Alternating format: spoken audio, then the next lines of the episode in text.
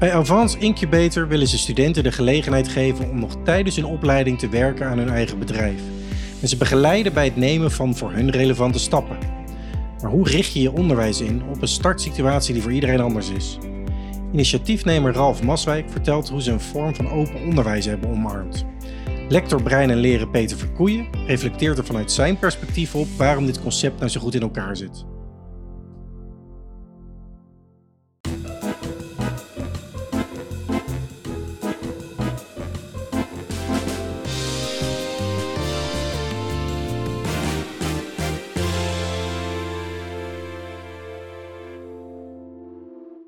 Welkom, beste luisteraars, bij een nieuwe aflevering van Fonk Podcast.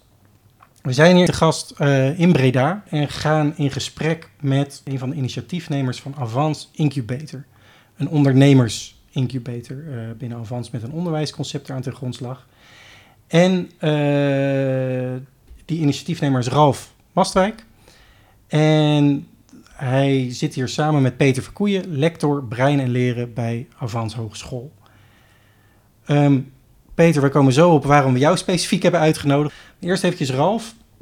Um, incubators, je hebt ze in alle vormen en maten uh, in ondernemersland. Wat is Avans Incubator en hoe verhoudt zich dat tot andere type incubators die er zijn? Ja, ja klopt. Goede vraag. Uh, dat was ook eigenlijk een zoektocht voor ons in, het begin. Wat gaan wij toevoegen aan ja, wat aan het aanbod dat er al is hè, voor, voor ondernemers in Breda dan in dit geval, want we zitten in Breda. Um, en daar zie je dat uh, je hebt de BWise bijvoorbeeld, uh, dat is een incubator. Uh, nou, misschien moet ik eens beginnen met gewoon uitleggen wat een incubator überhaupt is. Ja. Hè? Het is een, een omgeving waar ondernemers tegen relatief lage huurkosten een kantoor kunnen huren. Um, en een meerwaarde is ook dus dat je samen met andere ondernemers zit, dus je kan goed netwerken. Um, er wordt ook echt aan een community gebouwd, dus er zijn evenementen, uh, er zijn founders breakfasts, dat je echt met z'n allen gaat ontbijten en dan over bepaalde thema's hebt. Uh, er, wordt, er wordt kennis binnengehaald.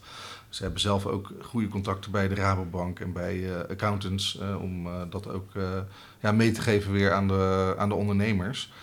Maar incubators kunnen ook heel erg uh, themagericht zijn. Er kan een incubator rondom een bepaalde technologie of rondom uh, een bepaalde uh, trend, duurzaamheid of, of misschien een, een, thema zorg of iets dergelijks. Ja.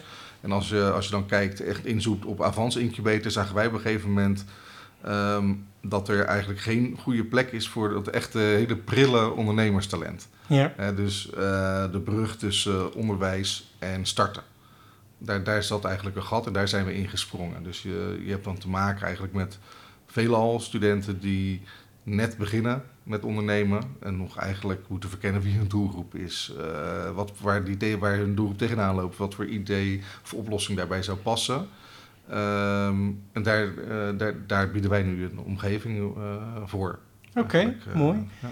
En concreet, het, het is echt een onderwijsmodule, het is een minor. Dus je krijgt er studiepunten voor terwijl je met je eigen bedrijf ook uh, bezig Klopt. bent. Ja, ja, dat was echt de filosofie. Hè. We hebben daar onderzoek ook uh, voor gedaan uh, voordat we überhaupt gingen nadenken over een oplossing. veel studentondernemers geïnterviewd. dus gevraagd waar loop jij nou tegenaan eigenlijk in het bereiken van je doelen, van je ondernemersdoelen. En daar kwamen onder andere pijnpunten die eruit kwamen, waren uh, nou, we missen expertise vanuit onze opleiding. Ja, als jij bij social work zit of uh, bij werkbouwtuigkunde, is de kans klein dat er een docent rondloopt die iets over ondernemerschap ja, kan vertellen ja. over medestudenten. Ja. Uh, dus dat misten ze een beetje. dus like-minded mensen en coaching.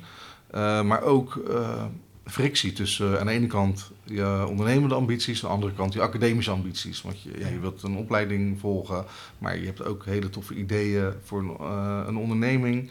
En vaak leed één van de twee uh, omgeving eronder. Dus of de vertraging met de opleiding, lagere cijfers, of even in de koelkast dat idee. Ja, ja precies. Uh, en ja. toen dachten wij, ja, we moeten eigenlijk een, uh, een plek creëren waarbij studenten met studiepunten kunnen worden beloond voor de acties die ze ondernemen voor een onderneming. Want dat, daar leer je zo bizar veel van. Ja. Um, en dan zou het onze taak zijn om ervoor te zorgen dat het ook echt wel naar een HBO-niveau wordt getild.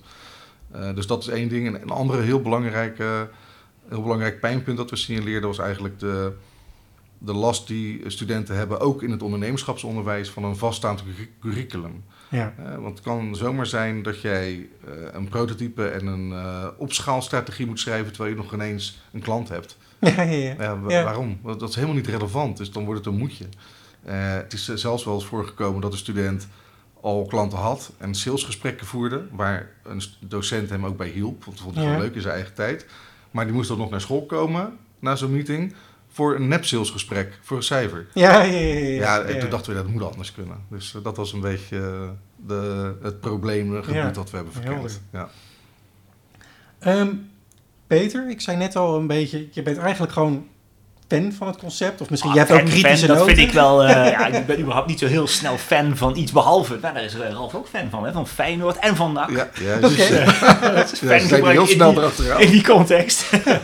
maar ik ben wel enthousiast over het concept inderdaad, zeker. Ja, ja. En dan specifiek, als ik begrijp, over eh, hoe ze hier omgaan met studentenmotivatie. En, of hoe ze studenten gemotiveerd houden in dit concept. Ehm, en hoe zij aan de ene kant heel veel keuzeruimte aanbieden. En aan, het andere, aan de andere kant ook best wel beperkende kaders stellen. En de balans daarin en de Ja. keuzes die ze daarin gemaakt hebben. ja. Zou jij gewoon überhaupt vanuit de theorie iets daarover kunnen zeggen? Van dus hoe eh, werkt de motivatie van een mens of een student, ondernemer Ja. in dit geval? En, en hoe, eh, welke interactie is er met keuzeruimte op dat gebied? Ja, dus dat is een, een goede vraag. Ook best een, een lastige vraag, Ja. omdat er, er zijn heel veel theorieën over, over motivatie. En motivatie gaat over de vraag waarom mensen bepaalde dingen starten, ehm, gedrag laten zien. Ehm, of dat, is, dat kan intern gedrag zijn, een gedachte, of, of iets wat je echt daadwerkelijk ziet. Eh, gedrag, nou ja, dat, dat gaat door. Hè, en dat kunnen mensen met veel of weinig focus mee aan de gang gaan. En op een gegeven moment stoppen ze. En de vraag is, waar komt dat nu door? En daar houden motivatietheorieën zich mee bezig. En er zijn heel veel verschillende motivatietheorieën, maar in de Avans Incubator denk ik dat eh, Self-Determination Theory, die speelt daar een heel centrale rol in. En dat is een motivatietheorie, niet de enige. Er zijn Ja. verschillende andere motivatietheorieën ook. Maar die theorie benadrukt heel erg ehm, waarom mensen bepaalde dingen doen. En maakt ook onderscheid tussen eh, dingen doen omdat dat moet, bijvoorbeeld vanuit externe druk, hè, omdat, ehm, dat er straf boven je hoofd hangt of een beloning, of omdat je iets doet omdat anderen dat heel belangrijk vinden. Ehm, maar dat zijn soort gecontroleerde vormen van motivatie. Hè, en daarbij kun je misschien zelf niet heel veel inner approval voelen. Het kan Ja. zo zijn dat een student dan vooral voelt dat hij iets doet nou ja, voor iemand anders om, om een bepaalde reden die, die, nou, die, die buiten die student zelf ligt.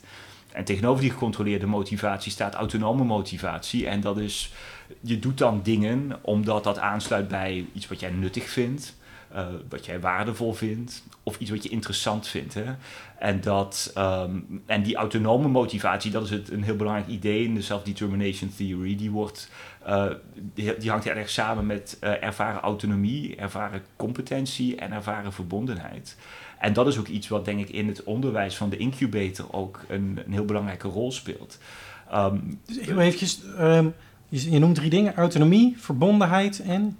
competentie. En die competentie, die, eh, nou, dat gaat over het gevoel dat jij eh, in staat bent om iets succesvol tot een einde te brengen. Dat jij in staat bent om controle uit te oefenen eh, in je omgeving eigenlijk, of op je omgeving. Ehm, en, en dat hangt ook samen sterk met kaders, denk ik. Uh, dus als je kijkt naar wat competentiebevordering, uh, wat dat is, dan zie je vaak dat het gaat over helderheid, hè, over in het onderwijs, over ja, wat, wat, wat, zijn nu eigenlijk, wat gaan we nu eigenlijk leren? En, en hoe, uh, hoe kun je dat dan goed aanpakken? En hoe kun je iemand helpen om verder stappen te zetten in het leerproces?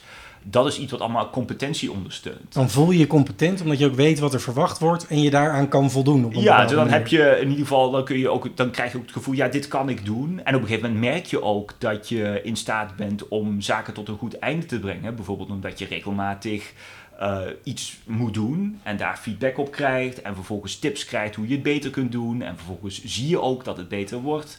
Uh, dat is allemaal iets wat competentie versterkt. Ervaren competentie. Ja. En daarnaast is natuurlijk zoiets als autonomie. En autonomie, ja, dit is wel. Daisy en Ryan geven daar wel een bepaalde invulling aan. Ja. En er was laatst een, een, interview in Didactief. Ik liet jullie dit zien hè, voor de podcast. Ehm, een, een, tijdschrift uh, voor mensen in het onderwijs. En er werd Daisy geïnterviewd. En die zei, autonomie, dat zie ik als de wil van studenten om te leren in, op school, noemde hij dat in het interview, dus in het onderwijs. Um, nou, dat, dat, is een bepaalde definitie. Hè? Uh, je zou kunnen zeggen autonomie in een andere zin betekent dat je het idee hebt dat jij zelf een beslissing kunt maken. Ja. En ook dat je dat kunt. Uh, dus het gaat niet alleen maar om mensen vrijheid bieden, maar ook ervoor zorgen dat mensen het gevoel hebben dat ze, nou ja, dat ze in staat zijn om met die vrijheid om te gaan. Ja. Als je mensen vrijheid geeft maar ze hebben niet het gevoel dat zij met die vrijheid om kunnen gaan. Dan voelen mensen zich ook niet autonoom en dan voelen ze zich verloren. Als je een overweldigheid aan, aan keuzes hebt bijvoorbeeld. Ja, dan, keuzes. Of, of als je mensen in een omgeving uh, plaatst die, uh, die, die veel te flexibel is. In de zin dat die helemaal geen structuur biedt. Zodat mensen op geen enkele manier weten hoe ze daarin kunnen manoeuvreren. En controle kunnen uitoefenen.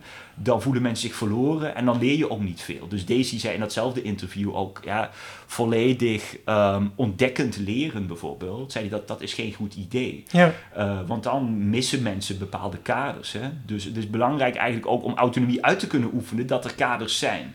En nou, die kaders die veranderen naarmate je meer expertise hebt. Maar ik denk bij de incubator zie je ook dat er... Aan de ene kant heb je ook best wat kaders, heel duidelijke kaders. En allerlei, heel veel ondersteuning ook.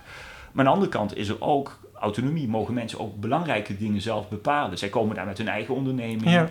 Uh, zij komen daar ook met individuele vraagstukken, uh, toch? Ralf? Ja, dus, ja, ja, dus dat, dat is iets wat zij zelf mogen beslissen. Ja. Maar vervolgens gaan ze wel met Ralf en zijn collega's aan de gang om daaraan te werken.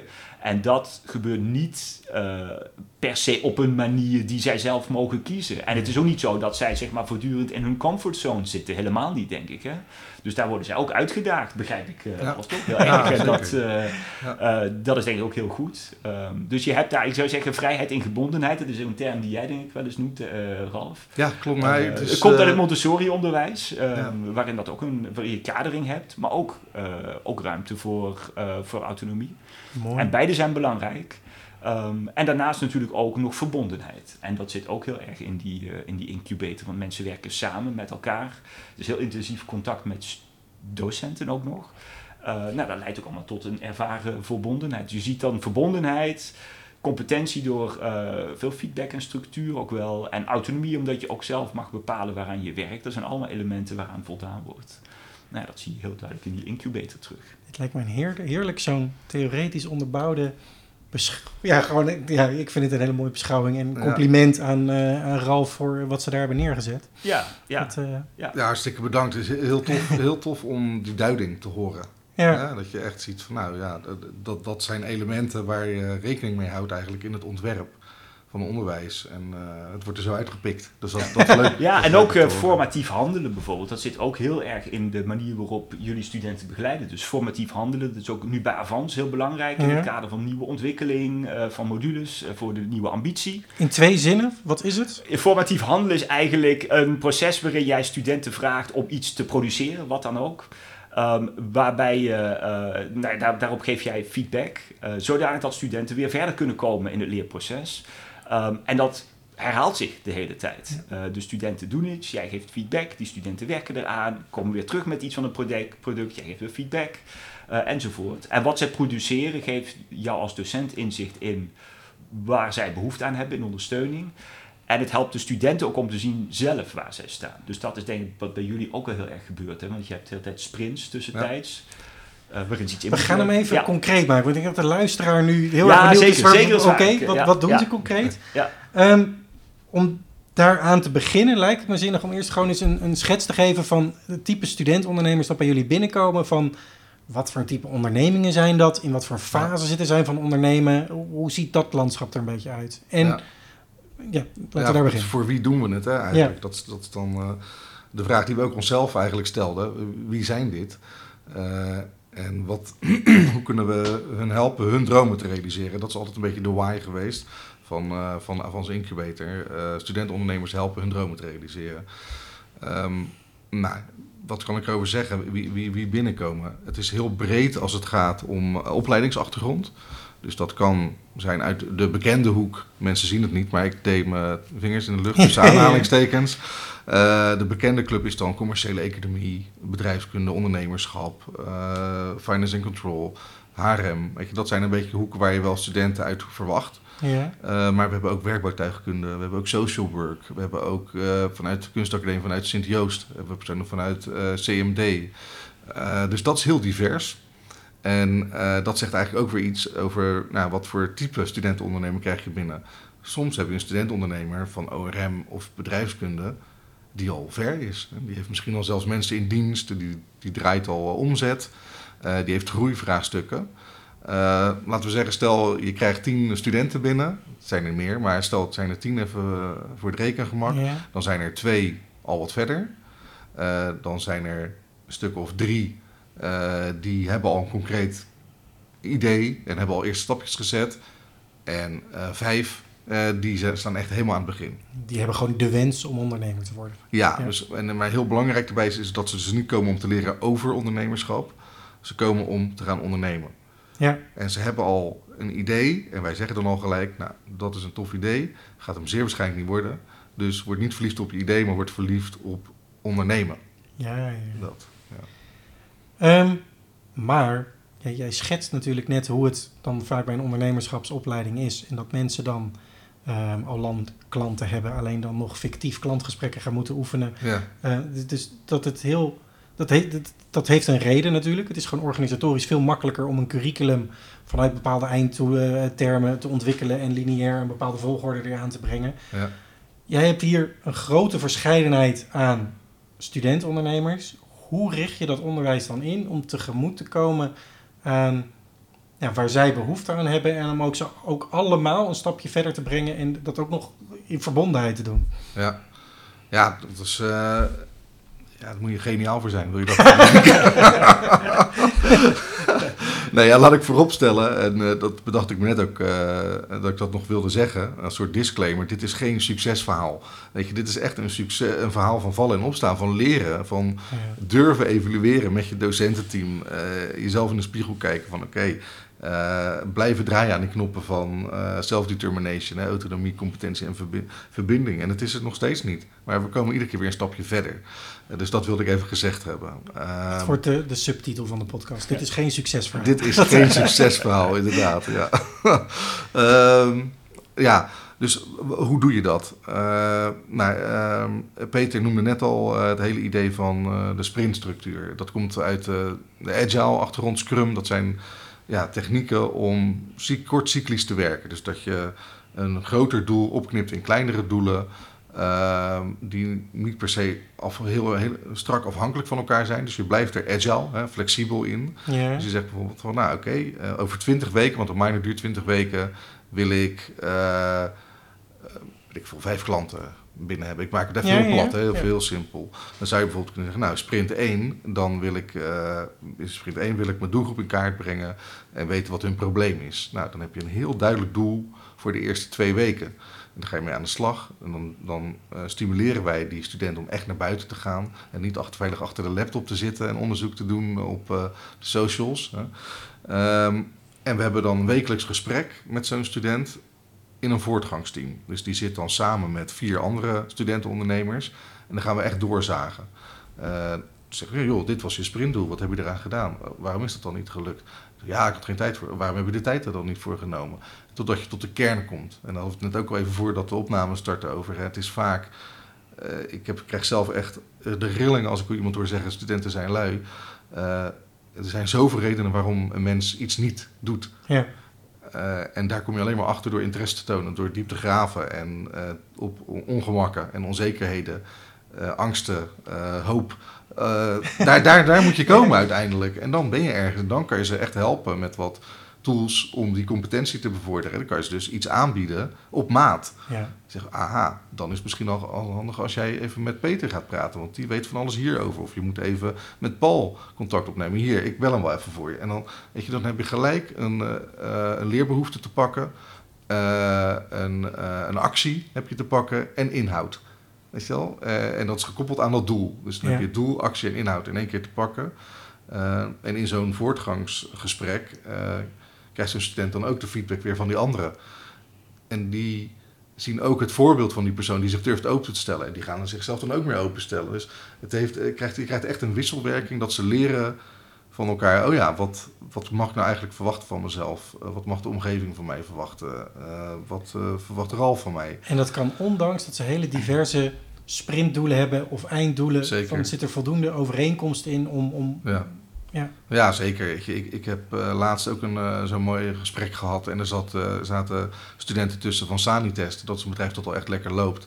En er zaten ook studenten tussen die gewoon echt helemaal een studie nog een kinderfeestje moesten organiseren. Want dat was het, het businessmodel. Ja.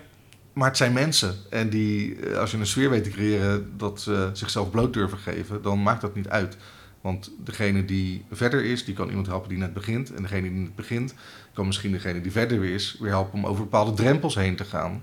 Waar die persoon overheen moet gaan. Ja. Dus niet inhoudelijk. Hè. Dan gaat het echt om mindset. En qua inhoud vliegen we bijvoorbeeld echt experts in. Of AOC, hè, business coaches. We zeggen, Ja. nou, we moeten nu echt iemand voor finance hebben, voor branding. Eh, nou ja, dan halen we die binnen. En dan heb je bijvoorbeeld, dus eh, er zijn vijf of eh, tien man die behoefte hebben aan iets op finance. En dan heb je een expert en een sessie en een... Ja, ja, nou z- zo kan het gaan. Wat we nu bijvoorbeeld hebben afgesproken met het AOC... is dat we zeggen van nou, eh, we hebben nu 39 studenten, best veel. Ehm, die leveren dus iedere twee weken een sprintdoel in.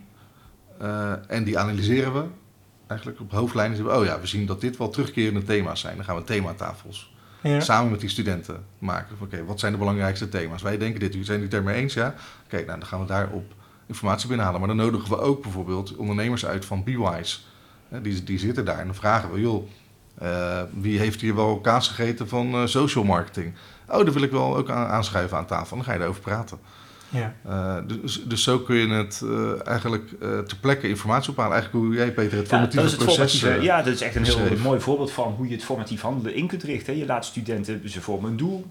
Ehm, jij gaat met hen aan dat doel werken. Je maakt ook duidelijke afspraken daarover. Ehm, en vervolgens leveren ze iets aan. En je ziet wat er allemaal, wat, wat, nou, wat zij aangeleverd hebben.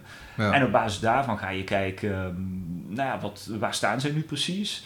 En, wat, nou, en als er iets misschien niet, als, als dingen niet helemaal helder zijn voor hen, of we hebben bepaalde dingen niet gedaan, het voorbeeld dat je noemde, kun je kijken wat, wat zit er dan achter. Ja. En vervolgens ga je kijken hoe kan ik ze dan weer verder helpen in het leerproces. En je beschrijft ook hoe jullie dat doen in, in, in, in dit geval, hè, dat je ook bijvoorbeeld experts erbij kunt halen eh, als het om iets inhoudelijks gaat.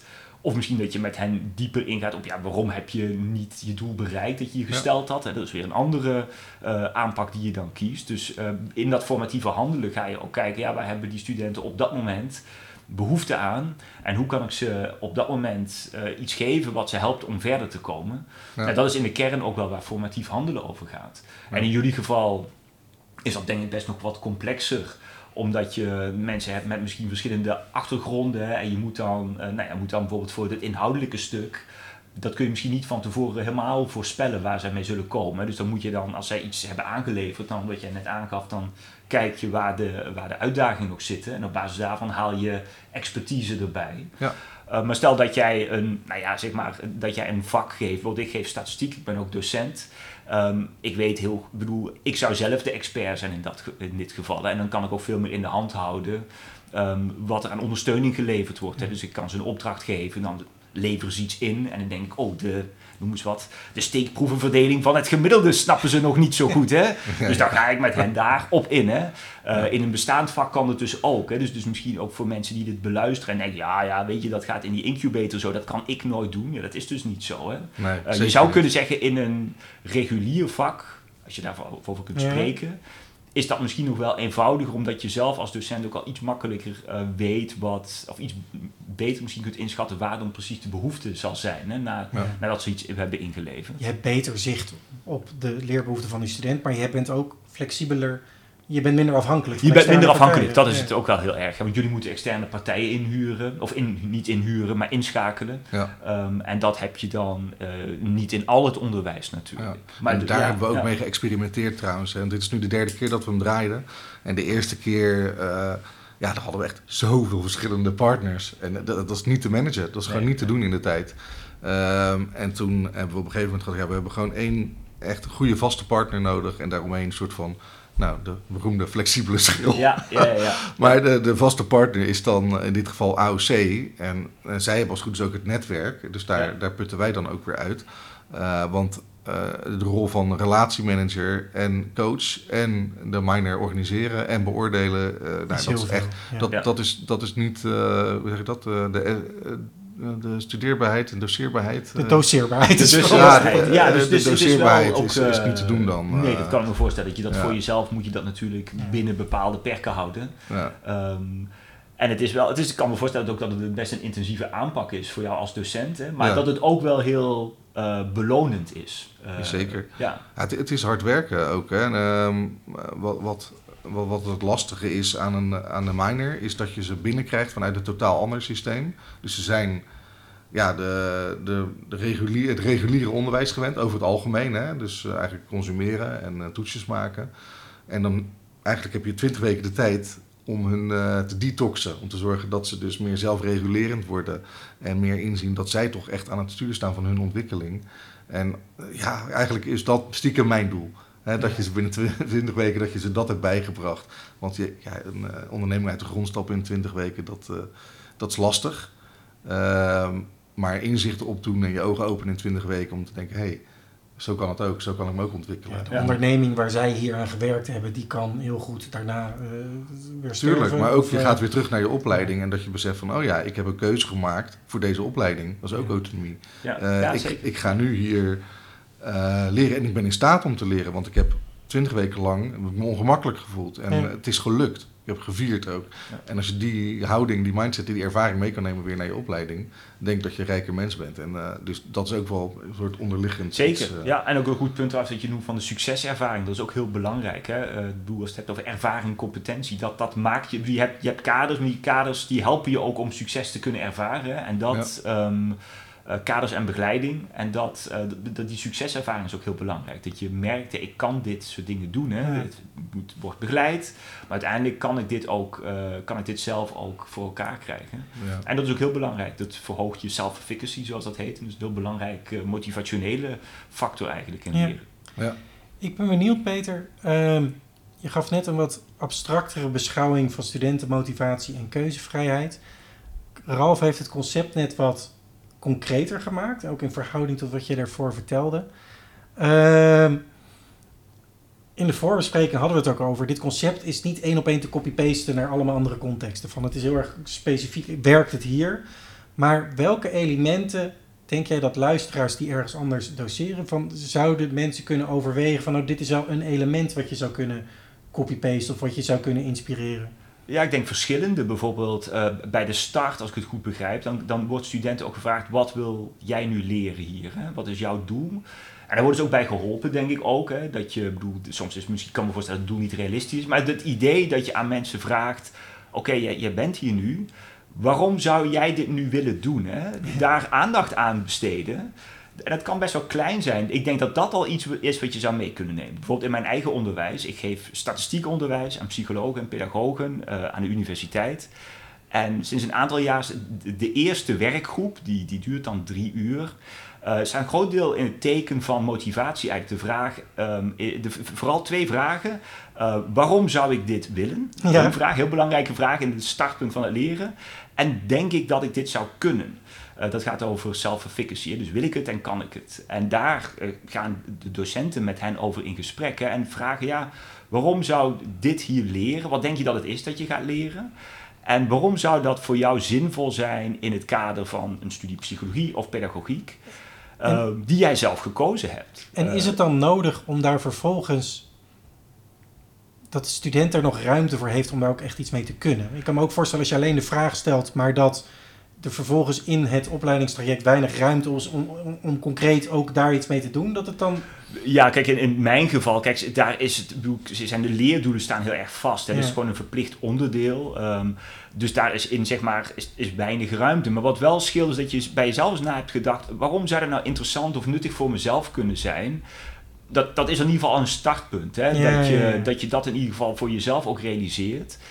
Um, en, en dan kun je soms ook gaan kijken van hoe kan ik dat nog bijvoorbeeld interessanter en nuttiger voor mezelf maken. Um, ja. En uh, dit is ook iets Ehm, waar je later ook nog als docent wel op terug kunt grijpen. Want eigenlijk zijn mijn studenten zijn door de bank genomen heel erg eh, gemotiveerd eigenlijk. Hè. Ze willen hard werken. Zij denken ook echt wel dat het interessant is. Oh nee, nee sorry, sorry, ik zeg interessant. Freudiaanse verspreking. Zij vinden het niet interessant. Eh, maar zij denken wel dat het nuttig is en waardevol voor, Ja. voor een psycholoog en een pedagoog om dat te leren. Dus het, dus de start is best goed. Ehm, en ze hebben ook het idee dat ze hard gaan werken. En het is wel iets wat ze dan zelf ook aangeven. En dan kun je ook later daarop teruggrijpen. Als, als je merkt dat mensen moeite hebben, dat je zegt, ja, ik heb me niet goed voorbereid. denk je, oké, maar je wilde toch wel, je had wel jezelf voorgenomen om, om, om goede planning te maken, om je daaraan te houden. Eh, waarom is dat dan niet gelukt? Hè? Dus het, het scheelt wel als mensen eerst dat zelf hebben gezegd, van ik wilde hard werken.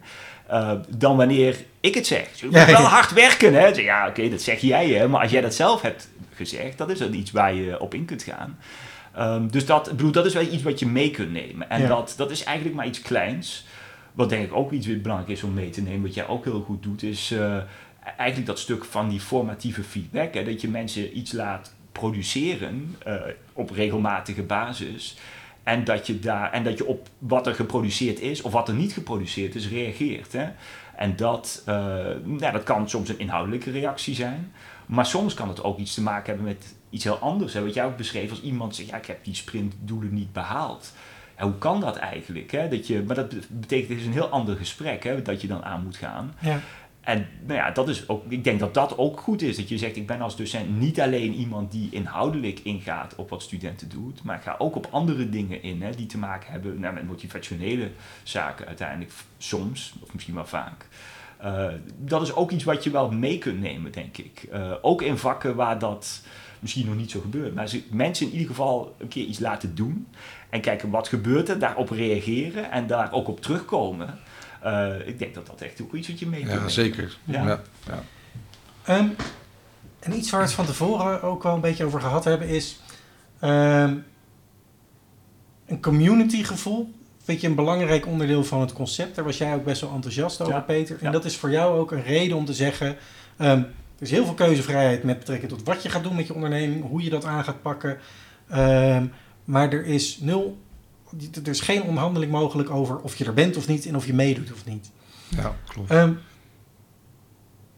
hoe kijken jullie daarnaar? Van verplichte aanwezigheid vind ik altijd een heel plat punt. Want je bent er en anders dan, weet ik veel, haal je je studiepunten niet. Maar ehm, hoe doe je dat nou goed? Hoe zorg je dat mensen er zijn en dat de meerwaarde daarvan inzien en ook echt de behoefte voelen om dan mee te doen op het moment dat ze daar zijn? En wat is, dat, is daar een balans ergens in?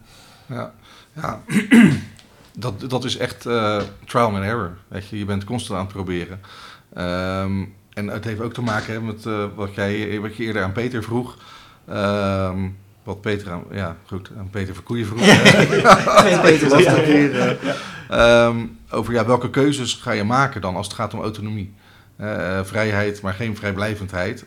Ehm, ik had heel erg het besef van ja, een incubator, wat is dat nou eigenlijk? Ja, dat, eh, is het gewoon een plek waar je komt voor jezelf? Of is het een plek waar je elkaar kan helpen om verder te komen? Weet je, en ik, ik was zelf overtuigd van het laatste. Weet je, want anders kan je gewoon ja, in je eentje thuis gaan ondernemen. En Ja. hoe hoef je hier niet te zijn, dan heeft het geen meerwaarde. En dat, dat is ten eerste hard werken om dat eh, over te kunnen brengen. Ehm, want, nou oké, moet ik even een goede volgorde vertellen. De eerste editie was vijf dagen per week verplicht in de ochtend. Nou, op een gegeven moment bleek dat heel lastig vol te houden te zijn. Er werd echt werd, werd er opstandig, mensen kwamen gewoon niet. En ik, ik heb heel vaak ook gezegd, jongens, ik ben geen schoolmeester. Ja, dan, eh, weet je wel, maar dit is jullie incubator. Vind jij het waardevol als jij hier bent, terwijl je maar met drie andere mensen zit van de 15? Nee, oké, wat zegt jou dit? Jij was er niet deze week. Wat, wat, wat doet dat als je dit hoort? Weet je, dus echt dat gesprek zeggen, dat is van jullie. Ja. Jullie willen een waardevolle periode. Het, het is niet mijn incubator, het is jullie incubator. En dat werkt tot op zekere hoogte, Ja. maar lang niet altijd. Op een gegeven moment hebben we gezegd, nou weet je, het volgende editie gaan we naar drie ochtenden per week. Want ondernemers hebben ook gewoon ruimte nodig Om te ondernemen. om te ondernemen, om afspraak te maken. Ehm, en toen hebben we gezegd, nou je bent hier iedere ochtend op hetzelfde tijdstip en dan doen we een stand-up. Dan zeg je, wat heb je gisteren bereikt? Gewoon output, heel kort. Eh, wat wil je vandaag voor één uur bereikt hebben en eh, welke hulp heb je daarbij nodig? En dan moet je ze intrainen iedere ochtend weer, want dan is het van, eh, Ja, gisteren, ik ben toen even gaan praten met die... Nee, nee, output. Wat was het resultaat? Weet je? wel? Oh, oké. En voor één uur vandaag. Ja, ik denk dat ik even ga werken aan mijn soos. Nee, wat wil je gedaan hebben? Ja. Eh, Oké, twee posts voor Insta. Oké, prima. Daar gaan we niet dieper op in, want daar heb ik nog wel duizend vragen over. Maar dat is Ja. dan voor nu even. Wie kan je daarbij helpen? Nou, dat kan ik zelf wel. Nee, kan je niet zelf. Wie heeft de ervaring met social media posts? Jij, wil jij even meekijken met Jeroen? Ja, top. Oké, jullie gaan samen zitten zo? Oké, de volgende. Weet je, zo, zo doe je dan een stand-up. Ja. Eh, het, het, je weet niet wat je niet weet. Weet je wel? Dus ze moeten het gaan ervaren. En in het begin moet je dan heel strak heel erbovenop zitten. En dan wordt er gezegd, ja, dit is heel schools. Nee, dit is professioneel. Professioneel is je houden aan afspraken.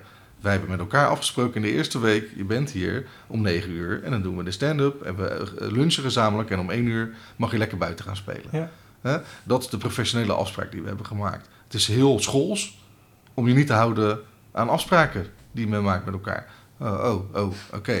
Weet je wel? Dus die, die, die houding, die moet gewoon, daar moet je echt aan, hard aan werken in het begin. Weet je, ik weet nu, eh, met Rob Huiber zit er nu bijvoorbeeld en die zit er op de dinsdag en die, die is mega streng erin. Ja. Dat iemand, ga maar weer naar huis. Weet je, je, je, voegt niks toe, je, je komt te laat, onprofessioneel. Weet je wel, wij willen hier ondernemers hebben. Want wat gebeurt er als je dat gedrag toelaat? Dan is het een, slippery slope. Weet je, Ja, dan gaat iedereen erin mee. Oh, als hij niet hoeft te komen, ik. En dan staan ze steeds vroeger bij de lift om naar huis te gaan. Ze komen steeds later naar binnen. Moet je gewoon niet hebben. Het moet gewoon doodnormaal zijn dat je ja, aan je afspraken houdt. Ja. En dat je eh, waarde levert als je er bent. Voor elkaar. Ja. Eh, want je hebt eh, van de acht dagdelen, heb je maar drie dagdelen daar.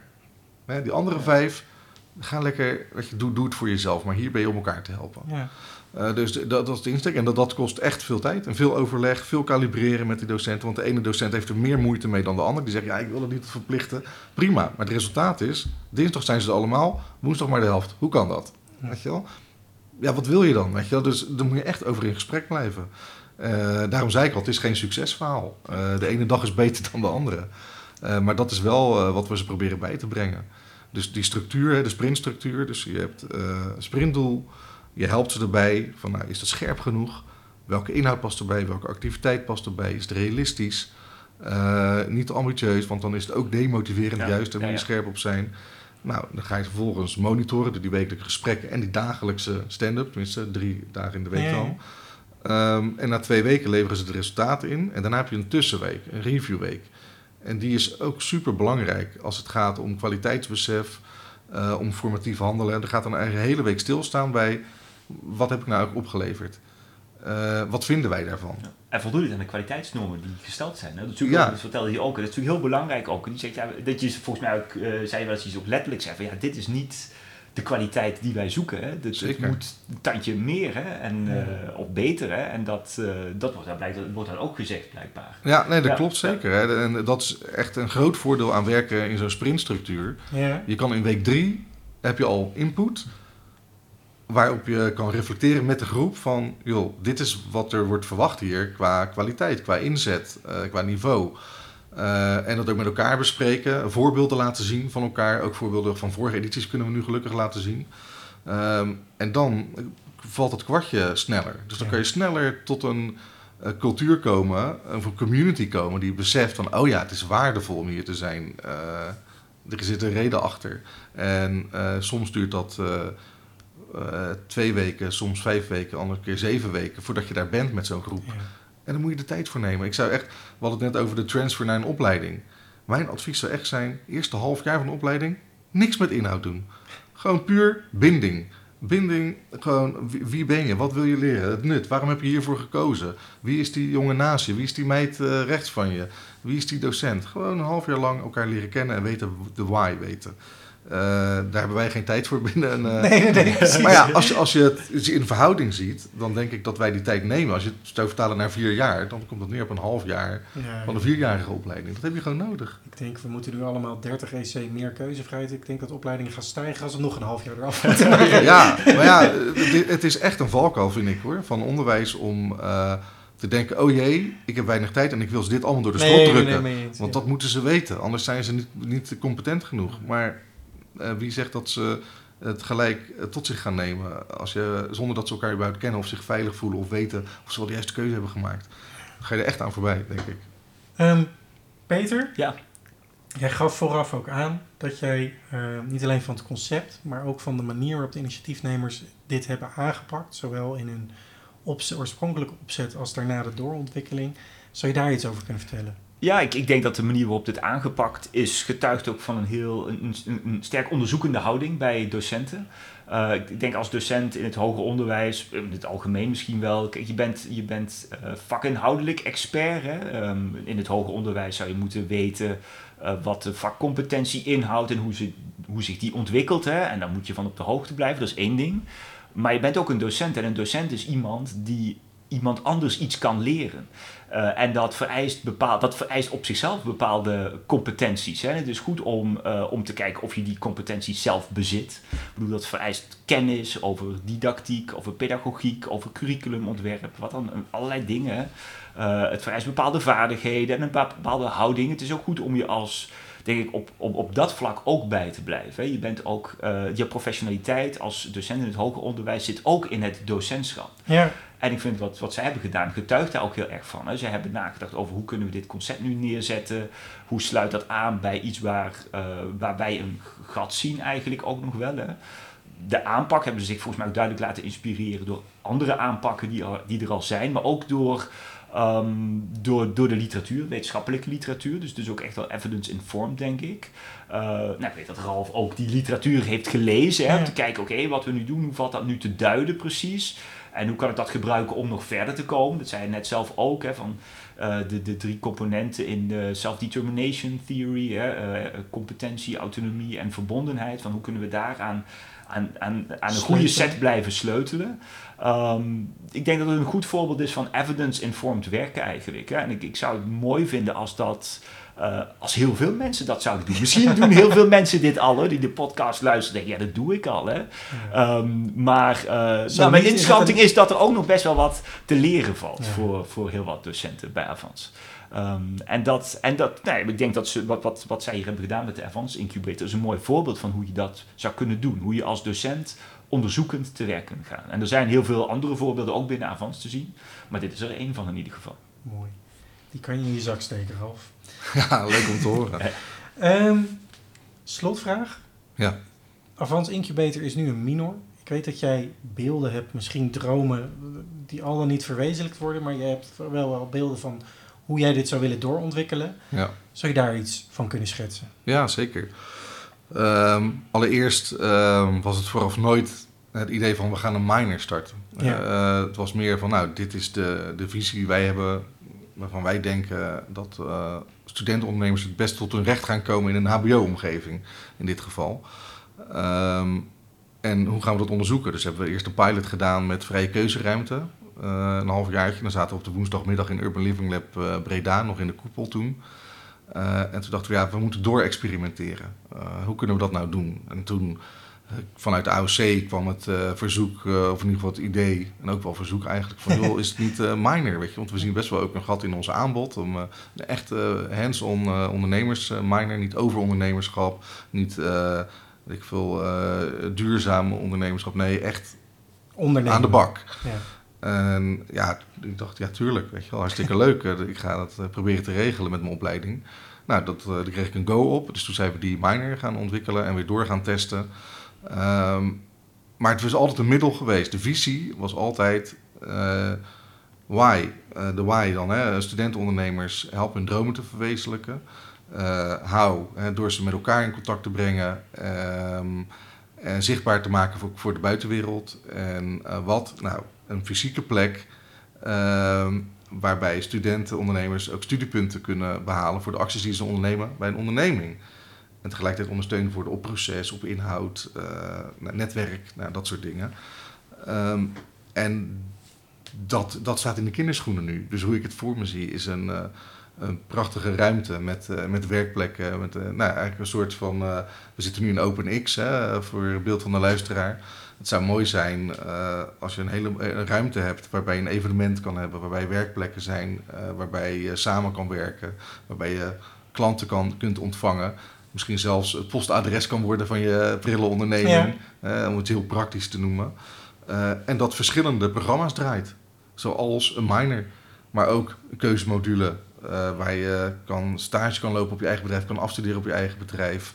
Eh, waar je alumni-ondernemers bij elkaar kan laten komen. Ehm, waarbij je het contact kan maken met BeWise. Ja, zo, zo, zo'n omgeving zie ik voor me en daar ben ik mee in gesprek. eh, met AOC en eh, ook met, met BeWise, de gemeente Breda, om te kijken naar kunnen we zo'n omgeving creëren. Om dat gat op te vangen van die uh, mega prille ondernemerstalenten die we hier hebben. Mooi. Ralf, Peter, heel erg bedankt. Jij ook Dankjewel. bedankt.